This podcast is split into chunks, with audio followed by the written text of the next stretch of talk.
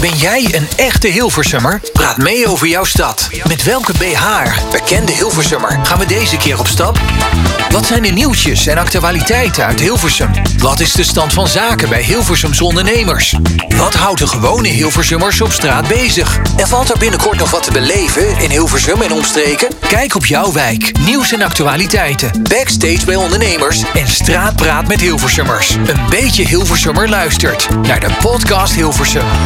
Te beluisteren via Spotify en Soundcloud. Welkom bij een nieuwe podcast Hilversum. De podcast voor en door Hilversummers. En ook deze week zijn we weer op pad geweest in de mediastad van Nederland... op zoek naar mooie verhalen en hele gave initiatieven. En in deze podcast hoor je het derde deel van het gesprek... wat ik gehad heb met de journalist Kees Wijburg... over de geschiedenis van Hilversum en het Mediapark... En dat heeft natuurlijk alles te maken ook met het feit dat hij 45 jaar al werkzaam is op het park en heel veel heeft zien veranderen, komen en gaan van mensen, om het zo maar even samen te vatten. Verder krijgt Janiek de unieke kans om te praten met de bekende fotografe Lieve Blankaart over haar nieuwe tentoonstelling The Circle of Life in het museum Hilversum. Welkom bij Podcast Hilversum. Ik ben Ron Lemmens. Voor Hilversummers die niks willen missen. Podcast Hilversum. Alles voor en door Hilversummers. Via Spotify en Soundcloud. Deel 3 met Kees Wijburg op pad. En we gaan eigenlijk in een tijdlijn van uh, ja, de ontstaansgeschiedenis van een mediapark. Uh, Kees, je hebt er 45 jaar deel van uit mogen maken. Hebben we in de eerste aflevering gehoord. Dat was de dag dat jij ook 45 jaar geleden hier... Ja, dat was heel bijzonder. Ja, klopt, klopt. Dat was heel ja. bijzonder. We ja. gaan, uh, nou, het is misschien een leuk hoorspel dit. Ja, dit, dit, dit doet mij een beetje denken. We lopen hier nu onder de kantoren van Omroep Max langs. En daar ligt grind. En dat doet me een beetje denken aan de grindbakken in de hoorspelstudio's. Vroeger werden op de radio behoorlijk wat hoorspelen gemaakt. En uh, ja, dan had je ook een, uh, dan had je ook een grindbak. Uh, en de inspiciënt, dat was dus degene die ging over de geluidjes. die had dan zo'n grindbak. En de inspiciënt die moest daar dan inlopen. Terwijl daar de acteurs hun ding deden. Heel grappig. Ja. ja. Um, we gaan nu de trap af. En um, dit is de trap waar eigenlijk alle medewerkers die bijvoorbeeld bij de NOS werken via het treinstation op Mediapark aankomen naar beneden lopen. Ja. Um, dit is eigenlijk zeg maar het laatste deel, uh, of het ene laatste deel wat we gaan maken over het Mediapark. Maar dit is wel het vervolg van waar er uiteindelijk gebouwd werd. En het Mediacentrum hebben we achter ons gelaten. Uh, we gaan nu naar beneden. Ja. Hoe vind je het overigens dat hier uh, nu een school is komen zitten? Een, een ROC-opleidingscentrum die ook natuurlijk de, de richting media in het portfolio heeft. Dat is hartstikke goed. Het, ik, ik vind dat dat ook gewoon moet plaatsvinden op de plek waar media leeft en ontstaat en gemaakt wordt. Ja, nou, kinderdagverblijf voor ja, de mensen dat die is niet heel weten, goed. dat zit hier ook. Ja, kinderdagverblijf voor kindjes neem ik aan van de omroepmedewerkers. Zeker. Ook voor die van mij. Ook voor die van jou. Nou, dat is leuk. Ik hoop dat ze onder een goede leiding staan en dat ze uh, dat allemaal hele deugdzame kindjes worden. Nou, we zijn uh, nu bij uh, Studio 23 van uh, Max. Ja. Wat was hier vroeger eigenlijk? Nou, hier was niks. Uh, de, ja, dit waren meer uh, opslagruimten van het facilitair bedrijf van het NOB. Uh, dat heeft nu allemaal een andere naam gekregen. Maar Jan Slachter die was zo verstandig om zeg maar, zijn kantoren en zijn studio's bij elkaar te hebben. En ja, hoe overzichtelijk is dat? Het is een beetje uh, het, het, is een klein beetje old school allemaal. Maar het, uh, zo, zo hoort het eigenlijk wel. De kantoren bij de studio's. Dan hebben we... Alles wel. Mo mooi, uitstekend. Ja, ja. Dan hebben we hier uh, tegenover ons het NPO-gebouw. Ja. Wat natuurlijk uh, aangrenzend uh, de NOS ook heeft. Dat is eigenlijk één gebouw, is het hè? Ja, dat is één gebouw. nou ja, hier werd op enig moment in de jaren negentig hier nieuwe gebouwen neergezet.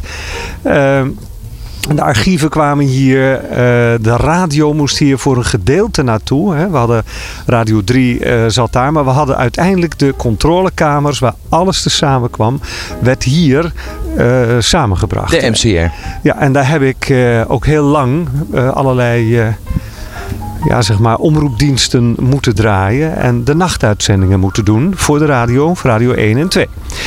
nu is dat Want ik heb geloof ik de vorige keer verteld dat het NOS-journaal in het studiocentrum zat. Maar dat zit nu hier. En het nieuws is uh, heel overzichtelijk samengebracht. Dus ook Radio 1, NOS Journaal, allemaal samengebracht. Uh, en, dat is gewoon heel efficiënt. Moet je, voor, moet je wel zeggen dat ik als je over die redactie van het NOS Journaal loopt, dat daar ongelooflijk veel mensen werken en, en allerlei dingen doen. En dan denk ik, dat zijn wel erg veel mensen. Dus het kan efficiënter, zeg je eigenlijk? Nou, dat weet ik niet, want ik ben niet de baas van het NOS Journaal. Maar um, ik vind het wel veel. En, en is het veel in de zin van voor een land als Nederland? Nou, als ik nou uiteindelijk eh, het NOS-journaal zie. En ik zie s ochtends vroeg het NOS-journaal met itempjes en met ditjes en datjes. En ik zie het s'avonds laat nog steeds diezelfde ditjes en datjes met een itempje van die en van die. Dan denk ik, ja zeg. Maar dat is, dat is wel leuk dat je dit aanstippelt. Want in de laatste aflevering, dat is de volgende aflevering, gaan we het uitgebreid hebben over de nieuwsmedia. Ja. Eh, want die zitten eigenlijk over het algemeen allemaal aan de achterkant van het Mediapark. Eh, dat noemen ze ook wel ingang Noord. Hè? De NOS, RTL Nieuws. Eh, dus dat, daar gaan we uitgebreid nog bij stilstaan. Um, die tv-toren, de inmiddels man bij het hond-toren genoemd. Ja, de PTT-toren. Ja, ik moet je voor, eh, dan moet je voorstellen dat uh, je had vroeger had je dan uh, een, een zendtoren met allemaal schotels erop. En die stond naast het muziekpaviljoen waar eigenlijk jij zit met jouw studio. Zo'n beetje in die hoek had je dan een metalen Eiffeltorenachtige uh, constructie. En dat was dan de, de, de zendtoren. En daar is in de jaren 80 of de jaren 70 liever, is deze grote uh, PTT-toren werd die vroeger genoemd. Ofwel de televisietoren. Ja, je ziet hem in een groot deel van het land. Hè. Als je uit, uh, uit het noorden komt, uit Friesland komt, je bent Lelystad voorbij, dan zie je hem al staan. En rij je bijvoorbeeld vanuit Den Haag langs Amstelveen, dan zie je hem ook al staan. Dus het is, het is echt, echt een markering in het, in het landschap. Sterker nog, in Volendam, als ik op de dijk ben, waar ik heel graag kom, en het, is, uh, en het is dan helder. En je kijkt zo over het IJsselmeer, dan zie je hem ook staan. Ben je daar wel eens in geweest? Nooit. Oh. Het is mij vaak beloofd. Dus ik, heb, uh, ik, heb, ik heb dan nu het, uh, het nieuws te melden dat ik dus wel die toren heb mogen zien van binnen. Kijk aan. En er zit een hele smalle kleine lift in. Ja, dan krijg je mij er al niet in. Daar ga je naar boven en je hebt echt een fantastisch uitzicht. Ik neem aan van wel, ja. Ja. je kunt het ja, inderdaad heel ver kijken. Je ziet, uh, je ziet de Johan Cruijff Arena zie je heel goed uh, liggen. En dan Als zie je, je eigenlijk zien, hè? Als je die ja, nou ja, dat is, dat is dan meer voor iedereen uh, op zich. Maar het is natuurlijk een uh, mankering in het landschap. Ja. En zie je heel goed liggen. En dan zie je eigenlijk ook hemelsbreed dat de afstand natuurlijk niet zo heel ver is. Nee, dat is, uh, dat is heel erg leuk. Elk doelpunt uh, uh, wat Ajax maakt, want ik ben dan toch wel een beetje chauvinistisch. He, Goeie vriend van mij, goede vriend van mij is trainer van Ajax, dus ik ben even voor Ajax. Heel goed, heel goed. Oké. Okay. Uh, ja, dat is ook wel wat grappig natuurlijk internationaal gezien. Wordt Hilversum ook wel een beetje toch gezien als de, de, ja, een wijk van Amsterdam. Ja, Kijk en jij ik er hoop, tegenaan? Nou, dat, dat, dat vind ik zorgwekkend. Omdat ik vind dat de expansiedrift van Amsterdam uh, gaat zijn perken te buiten. En, en ik, ik, ik maak me echt ongerust dat, dat het gooi uh, uiteindelijk ingelijfd gaat worden bij de regio Amsterdam. Dat moeten we zien te voorkomen. Ik heb altijd gehoopt dat het Amsterdam-Rijnkanaal bij Weesp dat dat de grens zou zijn. Maar wat zie je? Dat nu al in Weesp allerlei woonwijken worden gebouwd voor Amsterdammers. Nou ja, sterker, het wordt de gemeente Amsterdam ook. Ja, um, we zijn, dat, uh, ja, je praat er overheen, maar nou ik vind ja, dat erg, erg moeilijk te aanvaarden. Dan staan we nu aan de achterkant van het nu RTL-gebouw. Heeft bijgetekend overigens RTL voor de komende jaren. Maar dit is ooit uh, door John de Mol producties en, en de Mol volgens mij neergezet. Ja, fantastisch toch? Daar kon je toch in de jaren tachtig niet over dromen dat op het Mediapark de publieke omroep en de commerciële broederlijk naast elkaar zaten. Ja, ik, dat, dat, we worden daarin toch, uh, toch heel erg volwassen. En het is heel, heel goed dat ze bij elkaar zitten. Dat is voor mensen ook heel overzichtelijk. Hoe kijk je overigens naar uh, de panden ernaast, de gateway-torens, zoals we die noemen. Gateway A tot en met D. Ja, het is net of we in, de, in Amsterdam Zuidoost staan. Uh, het zijn natuurlijk uh, sfeerloze, karakterloze panden. Maar ja, er wordt in gewerkt. En het is functioneel en er staat niemand in de weg. Dus ja, weet je, ze moeten ergens zitten. Maar het is goed dat, dat men de traditie van Hilversum als mediastad heeft weten te behouden. Hè. Dat was een van de speerpunten van Pieter Broertjes, nu nog burgemeester van Hilversum. Om zoveel mogelijk media hier te behouden. Je weet natuurlijk ook waar de naam Gateway vandaan komt. Uh, dat mag jij mij vertellen. Nou, hieronder staat een enorm datacenter. Aha. En uh, het is sterker nog zo dat ook hier in het Mediapark uh, zelfs de voetbalwedstrijden vanuit Spanje via Hilversum lopen en dan pas weer naar Madrid gaan. Kijk aan. Maar dat is dan zo leuk dat jij een generatie bent na mij, dat jij dat weet. Dus dat, is, uh, dat zijn de ontwikkelingen van nu. Dus hier zie, zie je eigenlijk ja, het moderne deel van het park. Dat is het moderne deel, ja. ja. En dit is dan het, uh, het, deel wat, wat ouder, hè, wat we achter ons zien met een ondergrondse parkeergarage. NOS staat er nu op. Ja, omdat dat volledig is ingenomen door de NOS. Daarboven zit de directie van de NOS. Uh, heb jij hier nog gewerkt ook? Ja, ik heb zeker. Ik heb hier jarenlang gewerkt in dit pand. En dat was heel gezellig. En ik, ik, ik weet dat daar nu, uh, daar had je ook een kantine, hè, waar ik al eerder over sprak. Daar konden ook personeelsleden en uh, gepensioneerden konden daar eten. Nu zit daar het, het, het, het, kerncentrum, het crisiscentrum van het Eurovisie Songfestival. Dat zit daarin. Daar hoor ik overigens niemand over. Hè, of dat nou wel of niet doorgaat volgend spannend. jaar. Spannend. Ja, heel spannend. Podcast Hilversum neemt een kijkje achter de schermen. Dit is Backstage. Vorige week had het al in deze podcast over de nieuwe tentoonstelling in Museum Hilversum, The Circle of Life. Deze week gaat Janiek van der Wouw langs bij de opening van deze tentoonstelling en praat hij met fotografe Lieve Blankaart. Kunstliefhebbers, dit is eventjes voor jullie om nu goed op te letten. Ja, daar staan we dan bij de opening van een nieuwe tentoonstelling. Tenminste, een nieuwe tentoonstelling in Hilversum. Um, en ik sta hier met Lieve Blankaert, de fotograaf van deze tentoonstelling. Klopt, ja. Hi Lieve. Ja. Alles goed? Alles is prima. Ik ben net aangekomen in Hilversum uit het zo goed als afgesloten België. En uh, ik ben blij dat ik hier ben en ik ben blij om te zien hoe het werk uh, ophangt. Ja, want u had eigenlijk misschien niet kunnen komen. Ja, ik België. vond het uh, gisteren toch twijfelachtig, omdat uh, uh, we opnieuw een soort lockdown gekregen hebben, maar de grenzen zijn open gebleven en ook niet-essentiële verplaatsingen mogen nog steeds gebeuren. Dus voor mij is deze wel essentieel. Ja, dat snap ik inderdaad. Ja, ja. ja. ja want uh, u bent de fotograaf van deze tentoonstelling. Klopt, En hij ja. is al een jaar oud, mogen we wel zeggen. ja, in het begin in Gent natuurlijk geweest. En hij heet The Circle of Life. En hij gaat over eigenlijk drie punten, drie degelijke punten in het leven. Ja, Uh, de geboorte, de trouwerij en de dood. ja, dat klopt. Kan je mij meer vertellen waarom deze drie punten? Ja, het zijn eigenlijk de drie belangrijkste punten in ons leven. Daar kan je niet rond. Hè. We worden allemaal geboren. En de manier waarop dat we geboren worden is heel belangrijk. Dus in die baarmoeder zijn we natuurlijk ongelooflijk gelijk aan elkaar.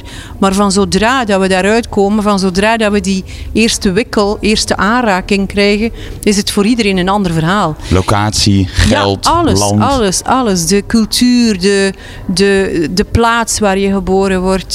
Religie is belangrijk. Word je als meisje of jongen geboren is heel belangrijk. Rituelen zijn belangrijk. Dus al die dingen komen heel scherp samen in zo'n plaats op, of op zo'n plaats waar kinderen geboren worden. Dus dat is een logische plek. De dood, of liever dat is een logische keuze, maar de dood is dat even goed. En ik dacht zelf niet meteen aan eh, trouwerijen, zoals jij het eh, zegt. Eh, wij zeggen huwelijken. Maar toen ik in India was, eh, om eh, te kijken hoe het, eh, wat het precies betekende om als meisje geboren te worden daar. Dan had ik een ontmoeting met een vader die net twee dochters had gekregen.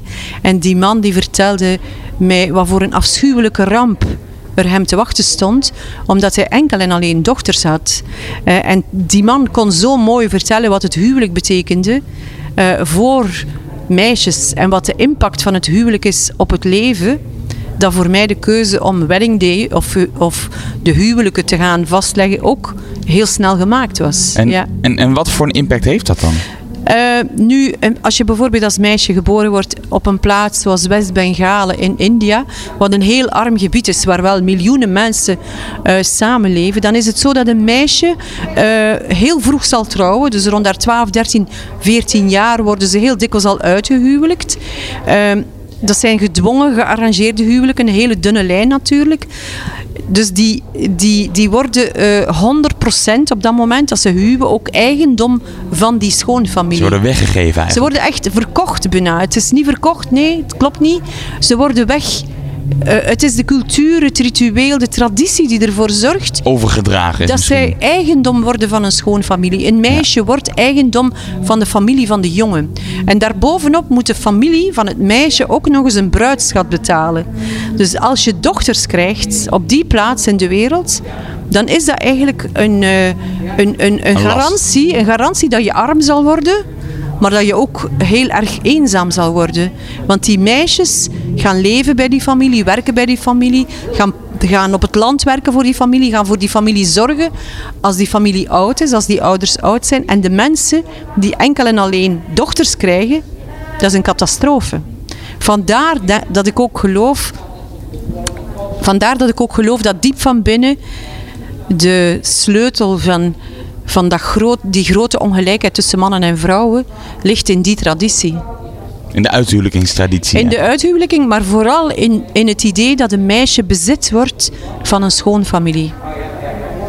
Begrijp je? Ja, en ik snap, ja, dit- ik vind het heel gek om te bedenken. Ja, het is Want ik zou, niet- we, kunnen natuurlijk in Nederland en in België hebben we een soortgelijke ja, situatie. Dat, het dat, is niet zo heel erg lang geleden dat we ook nog binnen die tradities Ja. zaten, min of meer. Waar vrouwen geen eigendomsrechten hadden, waar vrouwen eh, werden uitgehuwelijkt en waar ze geen erfrechten hadden bijvoorbeeld. Hè, dat is niet zo heel erg lang geleden. relatief gezien niet, nee. Nee, Nee. In, in de geschiedenis is het heel kort. Dus Ja. ja. En, en wat is het belangrijkste doel en, en, en middel om die verhalen te vertellen? Waarom ik het doe? Omdat ik het heel erg belangrijk vind dat mensen weten wat er in de wereld gebeurt en niet alleen maar op je eigen plek waar je leeft. Omdat als je blijft alleen maar kijken op je eigen plek, dan creëer je, dan laat je ongelooflijk veel vooroordelen groeien in je hoofd. Ook bij mij. Hè? Dus ik hou er enorm van als mijn eigen vooroordelen die ik heb, omvergeblazen worden onderweg. Dat is het mooiste wat je kan overkomen, want dan voel je van, ah, ik leef en er beweegt iets en er verandert iets en ik moet nadenken en mijn brein kan groeien en mijn, eh, ja, mijn, mijn, mijn kennis kan groter worden of mijn begrip voor bepaalde situaties kan groeien. Dat is toch heel fijn, een fijn gevoel vind ik zelf. Is ja. dat vaak gebeurd tijdens het maken van deze tentoonstelling? Heel vaak. Ja? Heel vaak. En dat, dat is zo mooi als je eh, een, eh, een ontmoeting hebt met iemand waarvan dat je een totaal ander idee hebt. En je, je, je- vooraf, je denkt iets altijd. Als, als je iemand ontmoet, jij ziet mij, je denkt iets over mij, ik denk iets over jou. Dat is misschien omdat je een pet aan hebt of zo'n hemd of zo. Dus ik ga oordelen over wie jij bent. Ik ga je al ergens in een vakje steken. En dat klopt eigenlijk nooit. In welk vakje zit ik? Ja. Ik ben nu al heel benieuwd. Ja, dat is zo moeilijk om te zeggen. Maar het is, eh, mocht je nu in een eh, grijs pak gestaan hebben, dan had ik jou in een ander vakje gestoken dan dat je er nu vandaag Ja, zo ik heb een kleurrijk hemd aan eh, Ja, gedaan. voilà. Je ziet er een hip petje. uit, een beetje, eh, ja, eh, een, een, een soort jongen. En dat is hoe dat we elkaar beoordelen en veroordelen, begrijp je? Zo gaat het met uiterlijke kledij, eh, niqabs bijvoorbeeld, als je het in het extreme trekt. wij gaan er altijd vanuit dat elke vrouw onder een niqab gigantisch zwaar... eh, Gelovig is of religieus of... eh, gelovig eh, is zeker wel, maar ook heel erg gediscrimineerd wordt of zo.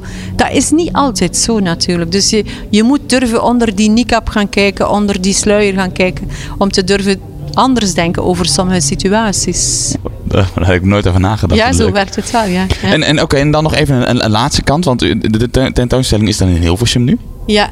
En wat vindt u van de stad? Wel, ik, heb, ik ben hier nu al een paar keer geweest. Ik vind het precies wel heel gezellig. Ja? Het heeft mij een, eh, eh, een niet zo groot, maar wel een klein, gezellig gevoel. Ik heb wel het gevoel dat Hilversum rijk is. Of zie ik dat fout? Dat zie je niet, ah, dat zie je niet nee, In de huizen, in de architectuur, Ja, het soort winkels dat je ziet. Maar ik ben natuurlijk nog niet overal geweest. Ik heb niet alles gezien. Maar waar ik nu sta, in de paar straten die ik hier nu gezien heb, geven mij een gevoel van, ah, dat is een rijke plek in Nederland. het wordt gezien als de hoofdstad van het gooi. Ah, En het Gooi, dat is Gooise een- vrouwen ken ik, hè. Ja, nou, die regio in Nederland, dat is eh, inderdaad eh, de, de kop ja, van Hilversum. Ja, Ja, ja, oké, va. Dus toch rijk. Dus, to- dus toch aan de rijke kant dan. Lieve Blankaart, dankjewel. Graag gedaan. Elke week op vrijdag is er een nieuwe aflevering van Podcast Hilversum. Met alles over Hilversum en Hilversummers. Tot besluit de agenda van deze week. Heb je zin om even tussenuit te gaan tijdens het thuiswerken? Elke dinsdag en zaterdag ben je van 1 tot half 5 welkom om een kijkje te nemen in de prachtige siertuin Gooilust. Vrijwillige gastheren en mevrouwen van Natuurmonumenten kunnen je alles vertellen over deze prachtige collectie. En achter elke plant en elke boom schuilt een bijzonder verhaal. Het is ook een heerlijke, rustgevende wandeling. Dus dat zijn eigenlijk twee pluspunten. Nou, wellicht heb je nog zin in meer uitjes die ook toegestaan zijn in deze coronatijd. Elke vrijdag van 20 november tot en met 25 december van half acht tot half negen kun je gaan kijken naar de wonderen van het heelal door de twee grote telescopen van de Gooise Sterrenwacht. Afhankelijk van de tijd van het jaar kun je de maan, planeten, nevels en zelfs andere sterrenstelsels op miljoenen lichtjaren afstand bekijken. Naast sterren zijn er geregeld leuke quizzen, informatieve presentaties en een knutseltafel met kleurenplaatjes van het heelal voor de jongste kinderen. En voor als je wil lachen, de wintereditie van de tuin van 2020 is te zien in Studio 21 in Hilversum. Veel bekende namen uit de Nederlandse muziekwereld zijn live on stage bekijken en te beluisteren. Jeroen van Koningsbrugge en Bo van Ervendoren staan 28 november samen op het podium op het Mediapark in Studio 21. Verder hoor je Janiek van der Wouw die langsgaat bij het muziekgebouw van de Omroep voor een kijkje achter de schermen bij de grote orkesten van Nederland. Tot zover deze podcast voor deze week en graag tot volgende week. Ben jij een echte Hilversummer? Praat mee over jouw stad. Met welke BH, bekende Hilversummer, gaan we deze keer op stap? Wat zijn de nieuwtjes en actualiteiten uit Hilversum? Wat is de stand van zaken bij Hilversums ondernemers? Wat houdt de gewone Hilversummers op straat bezig? En valt er binnenkort nog wat te beleven in Hilversum en omstreken? Kijk op jouw wijk, nieuws en actualiteiten, backstage bij ondernemers en straatpraat met Hilversummers. Een beetje Hilversummer luistert naar de podcast Hilversum te beluisteren via Spotify en Soundcloud.